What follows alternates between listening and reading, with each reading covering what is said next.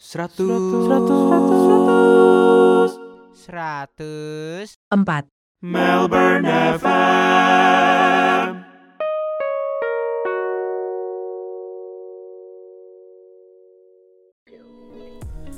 Hi, you're listening to 104 Melbourne FM. This is the first part. You can always check out the second part in the next episode. Thank you for listening. Bye bye. Halo semuanya, lu pada lagi dengerin gua Rafael Satria di 104 Melbourne FM Aussie ada cerita. Hari ini pertanggal berapa nih? 24 Agustus 2020. Apa kabarnya kalian semua? Sudah hampir 2021, mudah-mudahan kalian sehat dan berbahagia. Hari ini uh, gue podcast sangat-sangat-sangat spesial nih. Hari ini gue ditemenin sama seorang hamba Tuhan yang sangat-sangat humble, yang mau gue gangguin di weekdays-weekdays ini. Waktu itu udah pernah ngisi juga di podcast gue. Kita mungkin kenalan lagi. Halo, Shalom. Yes, aman. Kita ngobrol bareng siapa nih hari ini? Christopher Tabeheru di sini. Thanks for having me. Thank you ya Bang, uh, udah mau ngobrol-ngobrol di tempat gue. Yap, yap, yap. Senang, senang, senang. Ini hari ini kita, gue hari ini podcast pakai uh, Zoom meeting. Jadi kalian kalau mau check out gue di YouTube, monggo silahkan. Ada mukanya. Ada mukanya nggak apa-apa kan Bang? Santai. Takut, takut ada yang kepahitan dong sih ngeliat muka gue. muka gue soal serem. Mungkin sebelum mulai, Bang Kristo mau uh, introduction dikit-dikit mungkin sebelumnya? Tentang gue, Hmm, dikit aja. uh, Christopher Tabeheru, lahir besar Jakarta, Indonesia, um, umur hampir 36, udah married dari 2010, punya anak dua, laki-laki semua, masih kecil-kecil. Terus uh, teaching pastor di GBI New Wine International Church, Pastor Robert dan Lea Sutanto dari 2015. Uh, basically penginjil sambil jadi teaching pastor di gereja. Mantep. Itu sih. mantep. Mantep. Uh, New Wine ini ya masih belum physically ya? Belum, belum. Ah. terlalu ini kan pada akhirnya kan gereja kan fasilitas fasilitator buat jemaat sebenarnya kalau itu membahayakan jemaat malah Hmm. kita jadi nggak sesuai sama tujuannya Iya iya iya iya. Mm-mm, masih merah soalnya Jakarta Mhm. Aduh, di sini sama bang. Hmm, Di sini malah lockdown lagi, malah gitu ya lockdown lagi ya Ya, malah makanya kayak malah kayak awal malahan. ya kita fokus di online service tuh aja lah. Iya. Hmm. Keep praying, keep praying for the world. yes yes Jadi, eh sebelumnya ini loh, saya suka mendengar Pastor Kids. Salam buat Om George, Wong Jowo jebule. oh iya Wong lahir besar di lahir Semarang lahir Semarang. gede eh, gedenya di Magelang kuliahnya Jogja Aduh, wis Jowo, Wong tenang. Jawa meneh ngomong bahasa Inggrisnya medok Bang Kriso tapi ngerti dikit-dikit, bisa dikit-dikit. Ya bisa lah, little-little si icon. Little-little. Berarti kita podcast hari ini menggunakan bahasa Jawa. Waduh. Lu ngomong bahasa Jawa, gue balasnya bahasa Indonesia. Iya, salam nanti buat Om George by the way. Ya, ya. Saya suka. And ya gini bang, jadi kan em, aku bikin podcast ini kan kemarin memang aku sempat kayak colek-colek gitu kan, tapi Hmm. kayak masih belum. Aku tuh pengen ngobrol juga gitu sama Bang Kristo gitu, tapi Hmm. ngomongin apa ya kayak kalau ngomongin kasih yang orang lain kayaknya udah bahas, kayaknya kayak kalau Ya. ngomongin yang kasih, love atau apa relationship Hmm. gitu-gitu kayak ah lu cari di YouTube Bang Kristo banyak lah di yang lain-lain. Terus tapi kemarin waktu aku ikut juga Bang yang LAI itu Bang Ya, uh, Youth Bible Camp. Ya. Youth Bible Camp. Terus uh, Bang Kristo sempat uh, mention sebuah statement yang menarik dan gue belum pernah dengar sebelumnya kayak gue nih kayak uh, think like an Calvinist but I live as a Arminian gitu kan ya Bang ya kira-kira. Ya, mungkin nggak tepat gitu sih. Gue lebih, gue kutipnya kemarin kayak Ya. work like an Armenian, sleep like a Calvinist. Apa like a Calvinist Bang? Work, work, Like a bekerja, Mm-mm. melayani. uh, sleep like a Calvinist. Jadi gue percaya apa ya? Pandangan gue adalah semua bergantung sama Tuhan, tapi gue hidup seperti semua tergantung sama gue. Nanti maksudnya? Hmm, hmm. Gue berusaha tuh ada kedaulatan Tuhan di atas sudah pasti, tapi gue benar-benar berkaryanya seolah seolah gue salah pandang bahwa ini tergantung gue. Gitu. Seolah Mantap, gitu. mantap. Jadi ada perpaduan antara dua itu.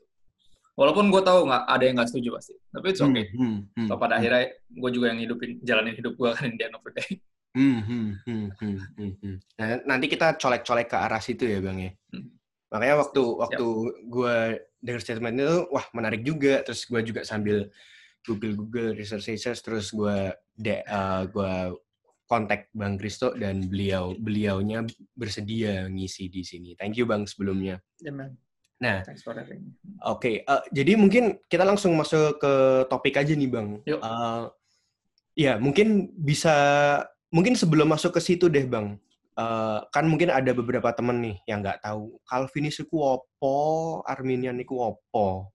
Hmm. Mungkin sedikit-sedikit, Bang, bisa dibantu kita, kami. Ya, sebenarnya se- penjelasan sedikit-sedikit dari kedua ini nggak akan pernah memuaskan. Makanya di YouTube bisa jadi kalau tulis ini banyak banget Banyak. yang pop up Hmm, dari hmm, yang in English sampai yang Indonesia. hmm. Dan semuanya lofty, maksudnya leng- bukan cuma lofty tapi lengthy lebih tepatnya berjam-jam gitu penjelasan atau perdebatannya. Ya, so, Hmm. Malah kalau basic- malah kalau Hmm. terlalu singkat mungkin kurang afdol kali nggak nggak nggak nyampe sampai ke dalam situ juga pada akhirnya. Tapi ya basically cuman itu doang sih tentang lebih ke isunya apa yang gue bilang one handed sama uh, two handed. Jadi yang satunya percaya bahwa semuanya itu Tuhan. Yang Calvinis percaya itu semuanya Tuhan, kitanya tuh mati nggak bisa ngapa-ngapain. Dan yang Armenian ini percaya Tuhan menggapaikan tangannya, mengulurkan tangan tapi kita harus merespon. Kitanya ada dua dua sisi, ada ada kerjasama antara Tuhan dan manusia, tapi yang satunya sisinya Tuhan aja karena kitanya udah mati jadi kita butuh fully Tuhan yang pegang tangan kita. So basically pretty much gue itu dua-duanya karena Alkitab juga dua-duanya. Ya bahkan kalau bisa dibilang um, John Calvin juga bukan seorang Calvinis pada akhirnya. Itu kan baru ada istilah itu baru pasti udah meninggal kan. Dia udah nggak ada baru jadi ada istilah itu. Malah bikinan orang gitu ya, Bang, kasarannya. Ya pikiran orang pada akhirnya kan dua-dua itu kan juga sebenarnya kayak guru dan murid sebenarnya mereka tuh berdua. Jacob Arminius sama uh, John Calvin. So ya, basically itu sih pandangan tentang pandangan keselamatan sih yang yang yang paling membedakan. Yang satunya percaya bahwa eh, ini kita murni diselamatkan oleh Tuhan. Yang satunya lagi percaya yang nggak bisa Tuhan doang, dong kita juga mesti kerjasama. Yang gitu sih. Itu itu apakah ngomongin keselamatan doang atau kayak Macam-macam. cari kerja? Macam-macam. eh, lebih ke apa ya? Banyak isu kedaulatan juga sih sebenarnya. Isu kedaulatan. Tapi ya buat gue, gue nyaman-nyaman aja tuh. Jadi dua-duanya. Makanya Hmm. tadi gue bilang ada istilah tadi. Gue bekerja. Itu sebenarnya istilah penginjilan sih. Gue pernah dengar satu penginjil, cuma lupa siapa namanya. Dia bilang, saya berdoa atau eh, apa sih, saya berkarya gitu, saya melayani seperti semuanya itu tergantung sama saya. Dan saya berdoa dan tidur seperti semuanya eh, tergantung sama Tuhan.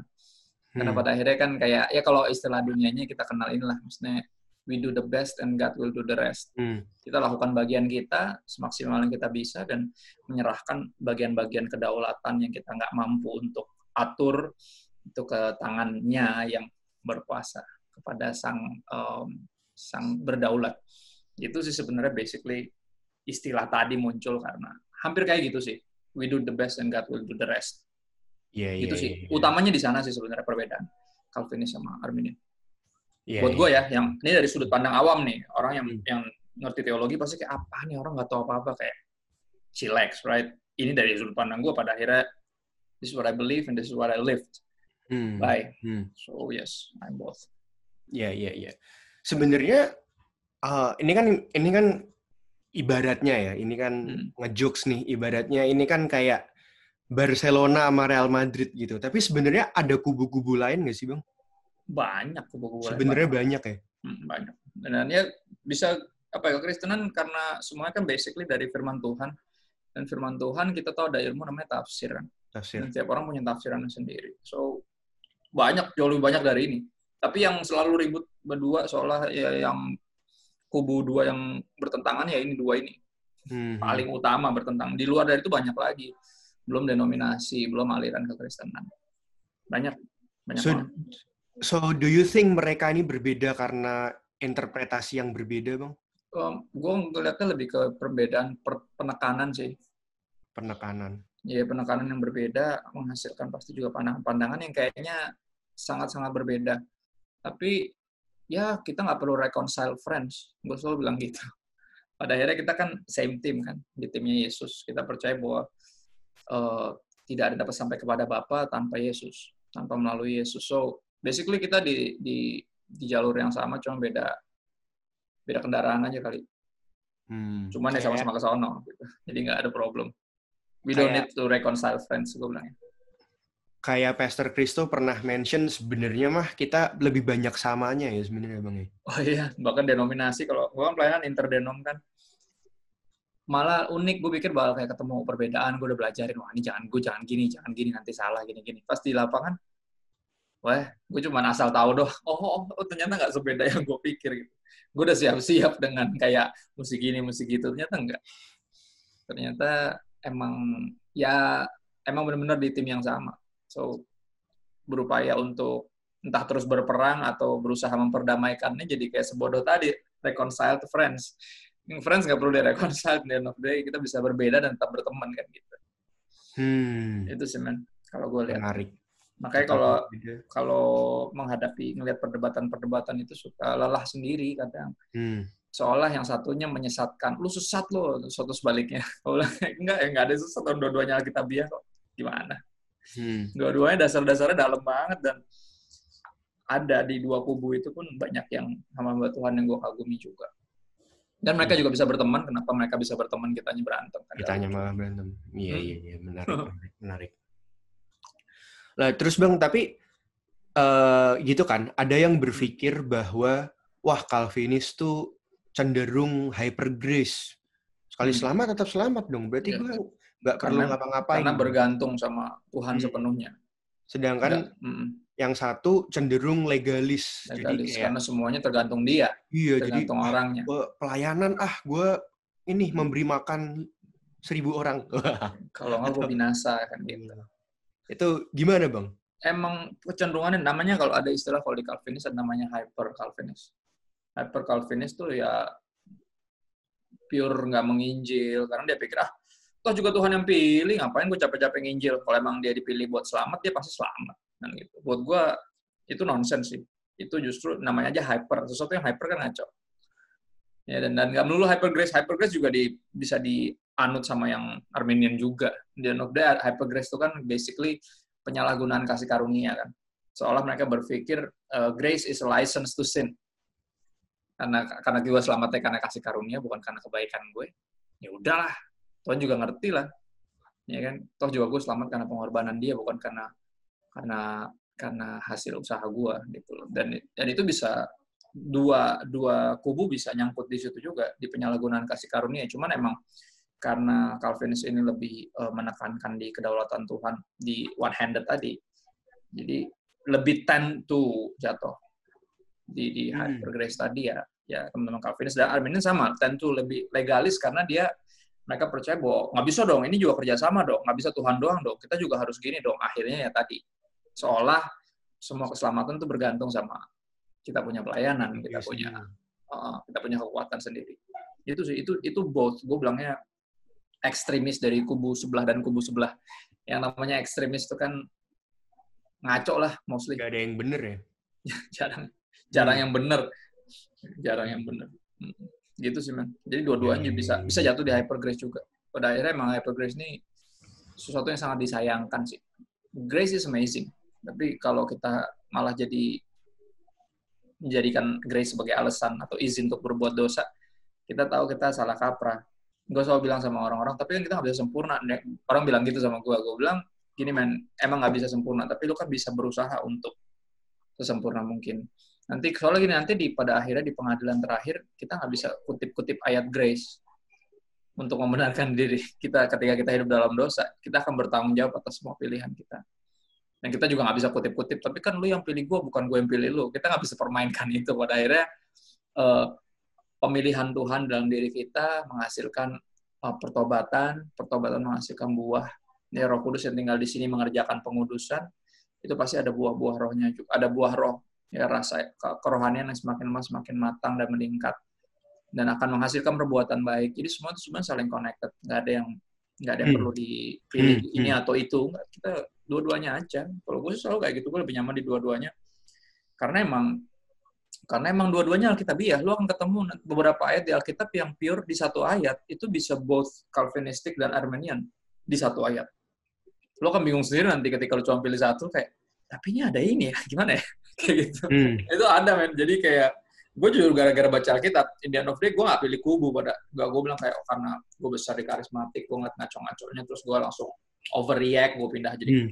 eh, jadi reform Cal- Calvinis tadinya Hmm. um, Armenian um, Karismatik. Pente- Pentecostal karismatik Hmm. Bu- bukan kayak satu overreaction terus gue pindah kemari enggak gara-gara gue baca ini sebenarnya Hmm. gara-gara gue baca ini dan ya gue temukan teman-teman yang eh, bukan Calvinistic tapi- apa Calvinistic mostly tapi eh, khususnya reform ya reform in theology means eh, kembali ke pengajaran Alkitab itu yang yang yang ketat pada akhirnya Hmm. kalau gue baca Alkitab bener-bener gue nggak akan puas dengan dengan apa ya, dengan penjelasan penjelasan ya dari kubu yang satunya karena kurang kurang mewakili gitu loh apa yang yang yang yang, yang ditulis di sini kadang ada beberapa yang nggak Hmm. kejawab kalau gue nggak ngerti pandangan satunya lagi Hmm. so Hmm. Hmm. gue lebih memilih belajar dari kedua belah kubu dan nggak memihak Iya, iya, iya, iya. walaupun basically gue akan selalu bilang kalau tanya lu Calvinis apa Arminian gue bilang gue Calvinis Hmm, hmm, iya, karena iya. emang Iya, iya. ya emang kalau Tuhan nggak pilih gue gue nggak mungkin Agree. ada di sini sampai detik ini gue aja ngasih nggak habis pikir kenapa gue bisa ada di sini sekarang Agree, agree. bukan agree. karena dia yang pilih gitu sih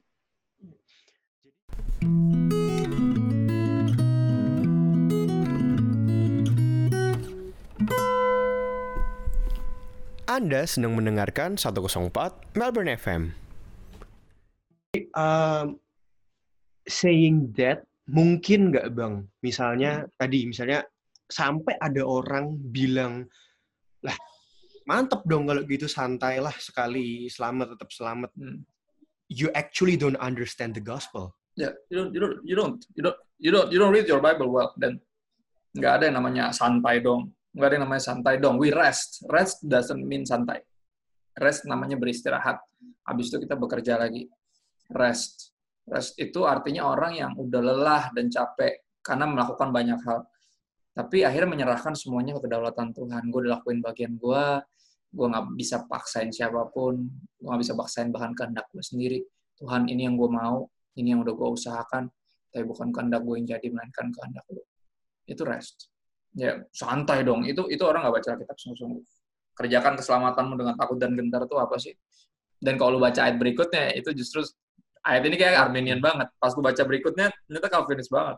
Karena karena dialah yang mengerjakan di dalam kita baik kemampuan maupun kemauan. That's just kayak ayatnya makanya berpindah gitu tiba-tiba switch. Makanya kalau lu cuma pilih satu lu kayak pasti bingung.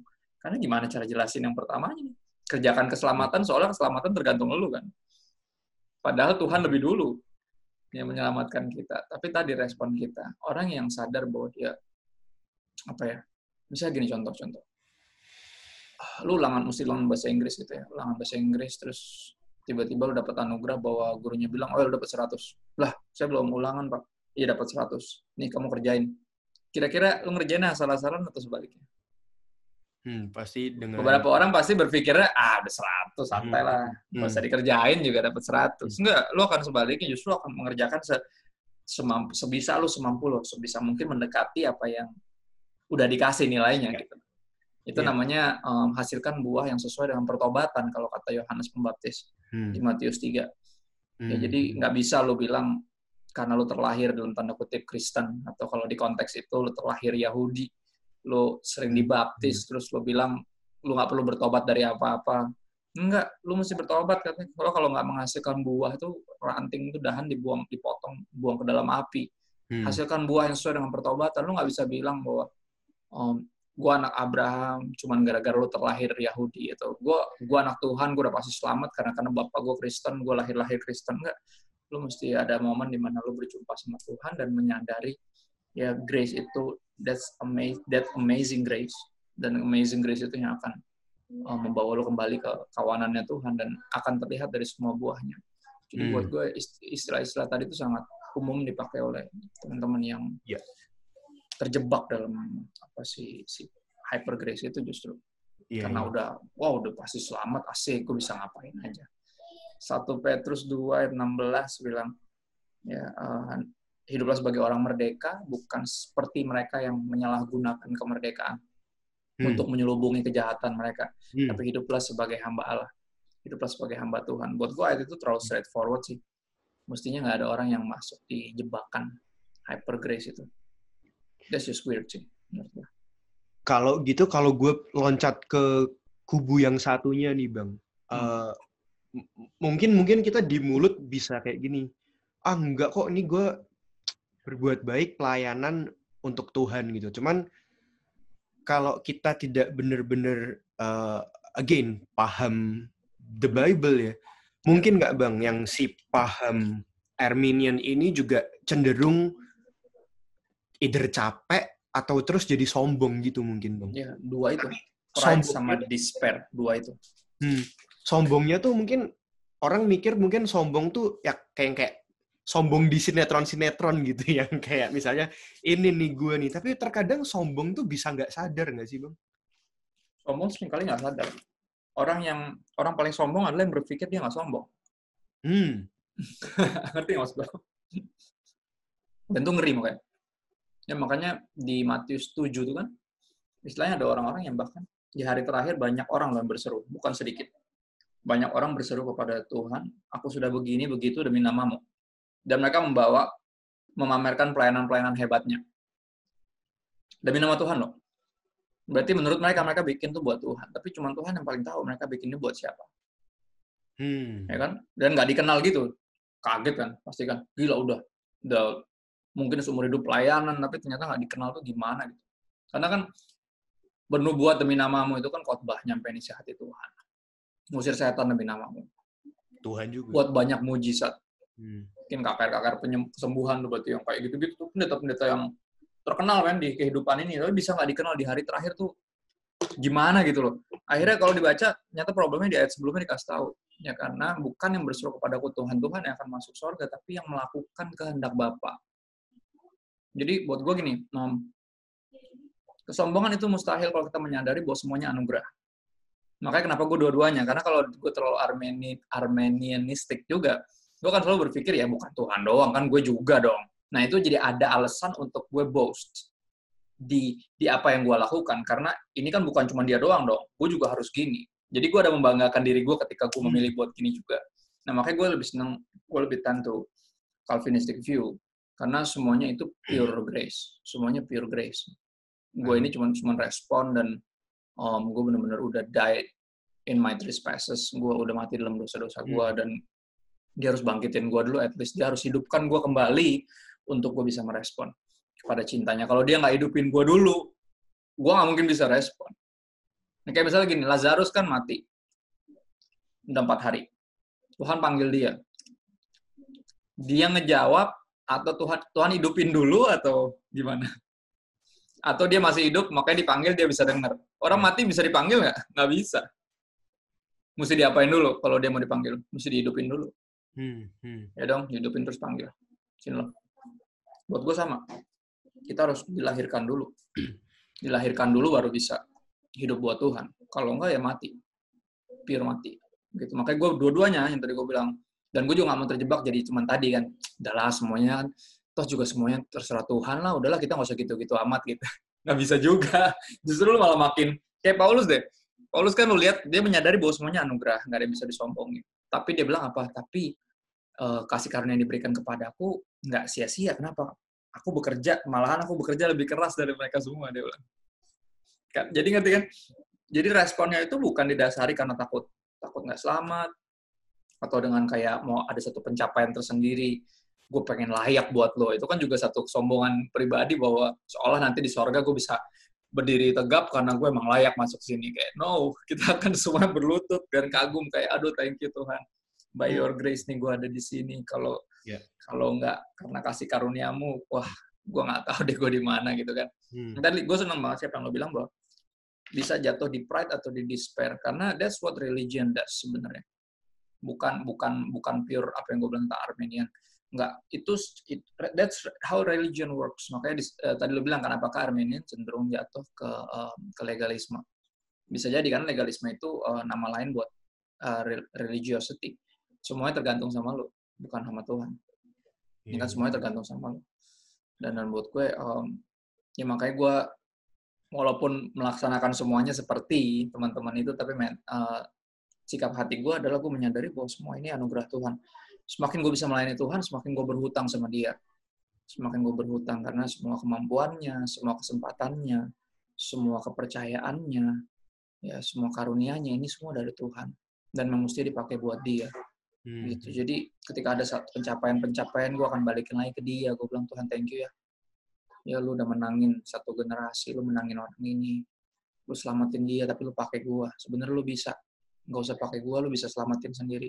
Tapi thank you ya gue diajakin. Ya kita bisa berbagi sukacita. Gue selalu ngeliatnya kayak gitu. Tadi hmm. statement bang Kristo banyak banget nih yang menarik. Ini ini agak agak keluar sedikit ya santai men. Uh, gue apa tadi kalau kalau kalau aku sendiri sih agree bang. Kayak iman tuh Tuhan yang kasih. Aku agree. Nah, hmm. masalahnya banyak banget kayak orang come to me atau apa kayak gitu-gitu yeah. tuh yang kayak berpikir tapi terus gimana gue dapetin iman? Atau misalnya atau misalnya gini deh eh gue tuh juga pengen loh um, misalnya ke gereja nangis gitu. Tapi gue tuh kok gue tuh kok kayak ngejar tapi kok kayak ibaratnya nggak dapet gitu. Eh, ini correct me if I'm wrong ya bang tapi ya yeah, bang. yeah. nah gue selalu kalau gue sih selalu jawab gini loh kita punya conversation kayak gini hari ini itu tuh it's not an coincidence gitu itu bukan iya. kebetulan yeah. gitu loh yeah. jadi itu udah sesuatu yang Roh Kudus kerjain di hati lo untuk yeah, ngobrol yeah. sama gue kayak gini Ya, yeah, exactly. Jadi maksudnya any comment, tapi you know what I'm saying kan, Bang? I know, I know, I know. I know. Mhm. Banyak orang bilang itu, gue juga pengen bro. Kan lu bilang lu mesti punya hati yang baru. Gue juga pengen, gue udah minta sama Tuhan, tapi Tuhan gak kasih gue hati yang baru. Gue bilang, kalau lu gak dikasih hati yang baru, ngapain kita ngobrol kayak gini? You don't give a peep about him, right? Kalau hati lu masih yang lama. Cuman lu datang ke gue karena you know, ini gak bener nih kalau gue gini terus. Itu udah udah karya roh kudus itu dalam hati lo, bilang. Eh, misalnya gini, misalnya gini, ada orang uh, yang belum terlalu paham lah tentang pemilihan. Ya, akhirnya dia um, percaya Yesus by the grace of God. Terus um, abis dia percaya Yesus, udah sungguh-sungguh udah mulai menjelang dia dibaptis, dia udah, udah tergabung di satu gereja, tiba-tiba dia denger khotbah itu, keselamatan bisa hilang. Ya kan? Dan tiba-tiba dia langsung panik kan nangis-nangis. Terus telepon gue, gue bilang, gue binasa bro. Dia bilang, udah, kenapa lo? Enggak, enggak, enggak mungkin lo binasa. Nah, gue, gue, gue, gue gue udah janji sama Tuhan gini-gini tapi gue jatuh dalam dosa lagi dan kata pendeta itu kalau gue udah udah janji istilah udah udah ikut Tuhan tapi bikin dosa lagi nggak ada lagi tuh apa darah yang bisa untuk menebus gue dia bilang itu gue binasa dan gue bilang enggak lu nggak binasa tahu dari mana lu dia dia bayangin dia dia tuh preman dulunya tukang pukul tukang bunuh biasa bunuh orang. Ya dan dan um, dia sampai nangis nangis takut kehilangan keselamatannya. Karena dia habis bikin dosa lagi terus gue tanya kan emang dosa lu ngapain? Ya gue nampol orang di jalan. Yang gue bilang men gue orang mestinya bersyukur. Dia nggak ketemu lu minggu lalu. Kalau dia ketemu lu minggu lalu bisa mati tuh buat gue lu biasa bunuh orang terus lu cuma nonjok orang itu udah progres Hmm. mas gue? Dan itu patut dirayakan karena sorga merayakannya. Lu mungkin kak, lu mungkin kalian takut. Tapi yang gue suka adalah apa? Dia takut kehilangan keselamatan itu sampai nangis-nangis bayangin lu preman nangis gitu kan langka kan kalau bukan roh kudus siapa yang bikin dia nangis sampai kayak gitu sampai takut kehilangan gue bilang men air mata lu justru menunjukkan bahwa lu tuh justru nggak kehilangan keselamatan lu justru lu memilikinya karena sense of belongingnya itu ngerti gak air mata yang menunjukkan bahwa for you salvation ini sangat berharga dan lu nggak pengen kehilangan itu lu sangat takut kehilangan itu dan buat gue itu yang bikin gue yakin justru air mata lo tuh menunjukkan bahwa lo tuh lo tuh pilihan. Hmm. Karena kalau lo bukan dipilih Tuhan, lo malah you don't, you you won't give a hmm. about it. Gue gak akan peduli kayak, ah, bodoh jalan keselamatan, bodoh amat, kan hmm. gitu. Ya Yesus mati buat gue, terus kenapa? Ya? Kan kayak gitu-gitu ngerti gak? Gak mungkin sampai kayak nangis, sampai kayak takut, sampai justru hmm. Hmm. lu kalau gue bilang ya, yang sehat itu di hati lu harus takut kehilangan keselamatan. Karena itu itu menunjukkan sense of belonging justru. Hmm.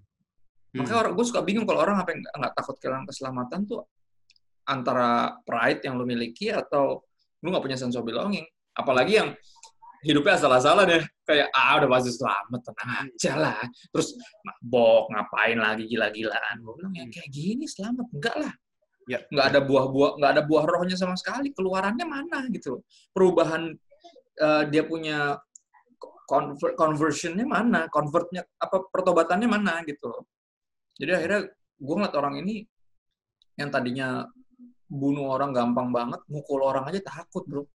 Dan buat gue itu udah progres dan gue berharap ke depannya lagi dia udah nggak mukul orang, dia marah aja telepon gue, gila gue marah barusan Tuhan, Tuhan kecewa nggak ya gue marah lagi. Gue gue berharap gue nungguin semua progresnya itu.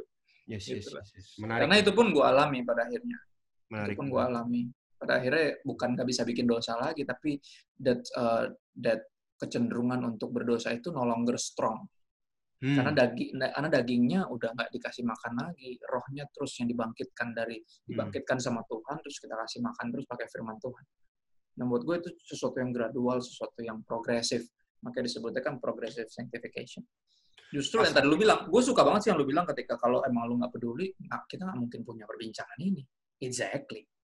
Lu datang karena ada sesuatu yang Tuhan kerjain namanya em, eh, diinsafkan oleh Roh Kudus justru Roh Kudus yang bikin lu ngerasa kayak ini nggak bener nih kalau kayak gini terus Hmm. ya Hmm. nggak semua orang lo punya perasaan itu Hmm. ada orang yang bahkan pelayanan tapi bikin dosa nyantai-nyantai aja tuh Ya, ya. lu lu justru yang lagi dikerjain sesuatu makanya lu nggak lu nggak lu nggak betah gitu Hmm. gue mesti telepon si Rafaelo nih kayaknya gue nggak bener nih kalau gini terus itu udah karya Roh Kudus pasti kalau nggak mungkin dari lu nya lah gila nggak mungkin dari lu nya Kasarnya kan berarti dulu kalau misalnya dulu lu berbuat dosa tuh kayak apa lah teman-teman gue juga berbuat dosa ada Hmm. temennya nyantai gitu. deh Sekarang lu berbuat dosa kayak wah nih gue nggak sekali lagi kenal Tuhan bukan berarti abis itu lu lurus aman nyaman tentram terus nggak lagi godain setan Hmm, Nggak justru makin digodain sama setan. makin makin digodain dan tapi perbedaannya ya pas lu berbuat dosa lu tahu ada rasa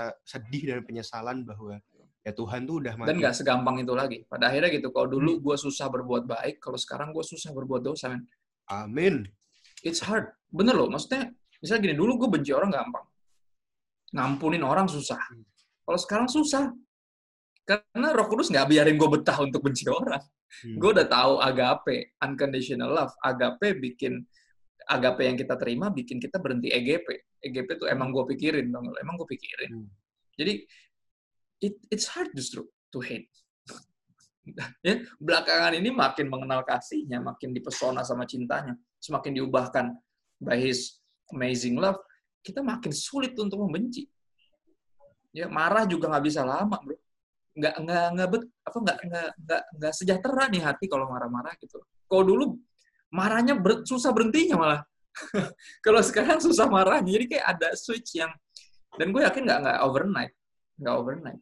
Bukan sesuatu yang tiba-tiba kerasukan Roh Kudus kayak enggak itu sesuatu yang lu dipimpin memberi diri dipimpin ada kerelaan dari pihak lu juga makanya tadi yang gue bilang gue juga both bukan Calvinistik dong gue juga Armenian tapi Nah. tapi berarti saying that ini kalau Hmm. misalnya ada yang dengerin nih Ya. dan sudah ada sampai di level itu ya berarti lu juga harus sadar bahwa itu bukan pekerjaan tangan lu tapi itu Tuhan Ya. yang bekerja melalui kamu Ya. gitu ya bang ya of course of course uh, Mantap, mantap. Paulus bilang bagus di Roma 7 ya Maksud Paulus bilang dalam diri gue sebagai manusia nggak ada yang baik Hmm. jadi gue pernah bikin kaos tapi kayak gue mau gue mau remake dulu waktu masih era itu masih nyoba nyoba lah gue tulis uh, beautiful in me is you yang bagus dalam diri gue itu itu lu nah dalam diri gue sebenarnya sebagai manusia nggak ada yang bagus Hmm. Hmm. cuma bersyukur lo mau tinggal di hati gue Hmm. gitu Iya, iya, iya. segala pujian syukur bagimu kau hadir dalam hidupku ya kini ku apa ku naikkan sujud datang sujud di hadapanmu, memujimu, menyembahmu, Yesusku menyembah. Pada akhirnya gini, ku datang sujud di hadapanmu artinya apa? Kita nggak bisa boast in anything and anyone kecuali dia. Gue selalu bilang gini, sesuatu yang diberikan, yang bisa dibanggakan atau yang bisa disombongin, cuman sang pemberi. yes Berarti emang maksudnya. gue denger apa kata-kata bos itu kan gue pertama kali ngeh dari lagu-lagu Hillsong kan bang. Iya iya iya. iya. Bos, bos kan negatif kayaknya ya, Hmm, kayaknya ya. Aku Terus bisa di switch jadi. Gue tuh sampai kayak, kayak gimana nih maksudnya tapi ya along the way akhirnya ngerti juga. Hmm. Mantap mantap. Thank you bang. Ini kita Hi, you're listening to 104 Melbourne FM. This is the first part. You can always check out the second part in the next episode. Thank you for listening. Bye bye.